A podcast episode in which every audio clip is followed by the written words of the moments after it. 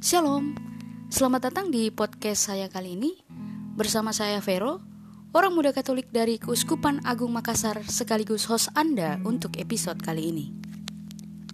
Pada kesempatan kali ini, saya akan berbicara terkait pesan Bapak Suci kita Paus Fransiskus dalam perayaan Hari Komunikasi Nasional ke-54 yang bertema Hidup menjadi cerita, menjahit kembali yang putus dan terbelah dengan dasar kitab keluaran 10 ayat 2 berbunyi, supaya engkau dapat menceritakan kepada anak cucumu. Di sini Paus menyuruhkan agar kita menenun kisah-kisah manis dan indah tentang bagaimana kita menjalin benang dan membangun hubungan satu sama lain dalam hidup ini. Baik itu antar sesama kita, lingkungan kita, dan juga Tuhan.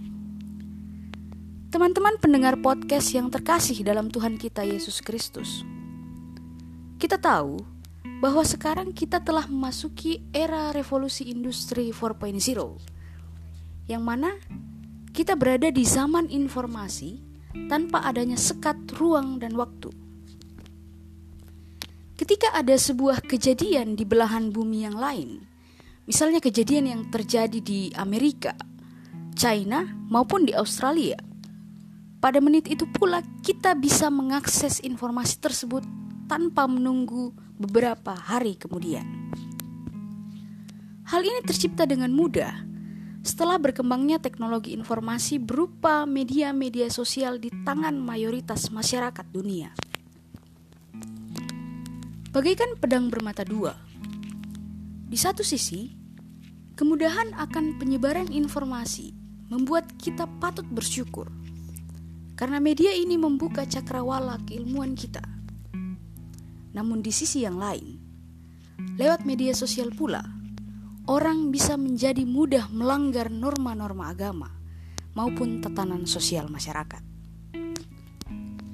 Dahulu, ketika orang ingin membicarakan keburukan orang lain, mereka harus menunggu dan bertatap muka dengan lawan bicara mereka terlebih dahulu. Bicaranya juga terbatas dengan waktu. Dan pendengarnya juga pasti terbatas. Paling hanya 1, 2, sampai 3 orang. Namun kini, dengan hadirnya media-media sosial seperti WhatsApp, Facebook, Instagram, Twitter, dan sejenisnya, seseorang bisa menceritakan kekurangan orang lain hanya dengan apa yang ada dalam genggaman tangan baik itu melalui tulisan, gambar, atau video, yang juga bisa diproduksi dalam hitungan menit.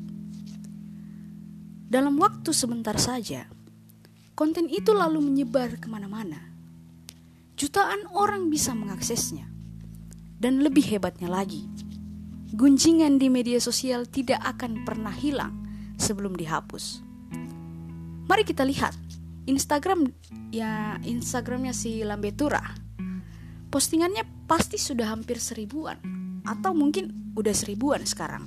Saya sih nggak tahu karena saya nggak pernah stalking stalking Instagram si Lambetura itu. Dan postingan itu tidak akan bisa hapus kalau tidak dihapus sama si Mimin. Dari postingan seribuan itu ketika kita iseng-iseng untuk scroll ke bawah, pasti kita akan melihat pemberitaan-pemberitaan yang mungkin tidak benar yang menceritakan tentang keburukan-keburukan orang lain. Nah, perihal menceritakan keburukan orang lain atau biasa yang kita kenal itu dengan istilah gosip, baik melalui media sosial ataupun secara langsung. Kitab suci memberikan banyak nasihat berkaitan dengan ini. Misalnya dalam Yakobus 3 ayat 5 mengingatkan bagaimana lidah sekalipun kecil dapat memegahkan perkara-perkara yang besar. Matius pun dalam pasal 12 ayat 36 sampai 37 mengingatkan bahwa sesungguhnya apa pun yang keluar dari mulut kita dapatlah mencemarkan hati dan menggambarkan pikiran-pikiran kita yang paling dalam. Seringkali kita mengucapkan berkat Allah dari mulut kita, tetapi tidak lama kemudian menggunakannya untuk mengutuk orang lain. Haruskah demikian? Ya, tentu saja hal ini tidak boleh terjadi. Kita haruslah belajar untuk menggunakan bibir kita, tangan kita, atau seluruh anggota badan kita hanya untuk memuliakan nama Tuhan saja. Seperti apa yang dikatakan dalam kitab Kolose 3 ayat 17. Dan segala sesuatu yang kamu lakukan dengan perkataan atau perbuatan, lakukanlah semuanya itu dalam nama Tuhan Yesus sambil mengucap syukur oleh Dia kepada Allah Bapa kita. Kitab Amsal pun memiliki banyak perkataan hikmat yang berkenaan dengan perkataan kita. Kitab ini mengajarkan kepada kita bahwa hati orang bijak menjadikan mulutnya berakal budi dan menjadikan bibirnya lebih dapat meyakinkan. Hal ini dalam pas dalam Amsal 16 ayat 23. Bila kita memiliki hikmat Tuhan, kita akan mengetahui bagaimana berbicara dengan hikmat. Bila tidak, mulut kita akan membinasakan diri kita sendiri.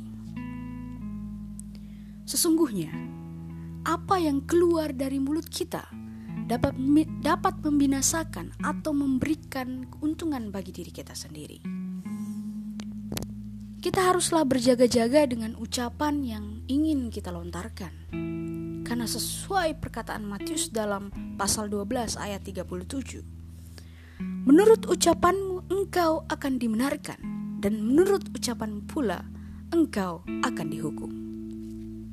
Oleh karena itu, kita tidak boleh membuang-buang waktu dengan hal-hal ini, yakni dengan menceritakan keburukan orang lain pada sesama ataupun melalui status-status di media sosial kita tetapi pergunakanlah waktu yang ada dengan lebih bermakna, sehingga dapat melakukan lebih banyak hal yang berkenan kepada Tuhan. Omong kosong, gosip, dan, ber dan berbagai rumor itu ada karena lidah dan perasaan yang tidak dapat dikendalikan. Ketika hal-hal itu muncul, persahabatan dapat menjadi koyak. Hati yang tidak berdosa akan menjadi terluka dan kepercayaan serta keyakinan dapat berubah menjadi kecurigaan dan ketakutan.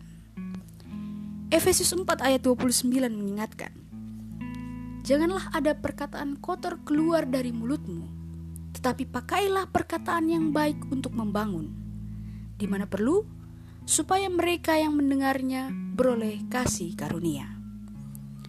Kita haruslah mengatakan kebenaran dengan kasih dan ketulusan Bila kita berada dalam percakapan yang mengarah kepada gosip atau menceritakan tentang keburukan-keburukan orang lain, sebaiknya gantilah topik pembicaraan itu. Demikian pula, hindarilah diri untuk turut serta dalam hal-hal yang dapat melukai orang lain dan diri sendiri. Semoga pesan yang disampaikan Bapak Paus dalam perayaan Hari Komunikasi Nasional ke-54 melalui podcast saya yang Anda dengarkan dalam kesempatan kali ini dapat menjadi renungan dan dapat kita aplikasikan bersama dalam kehidupan sehari-hari. Terima kasih, sampai bertemu di episode selanjutnya. Tuhan memberkati.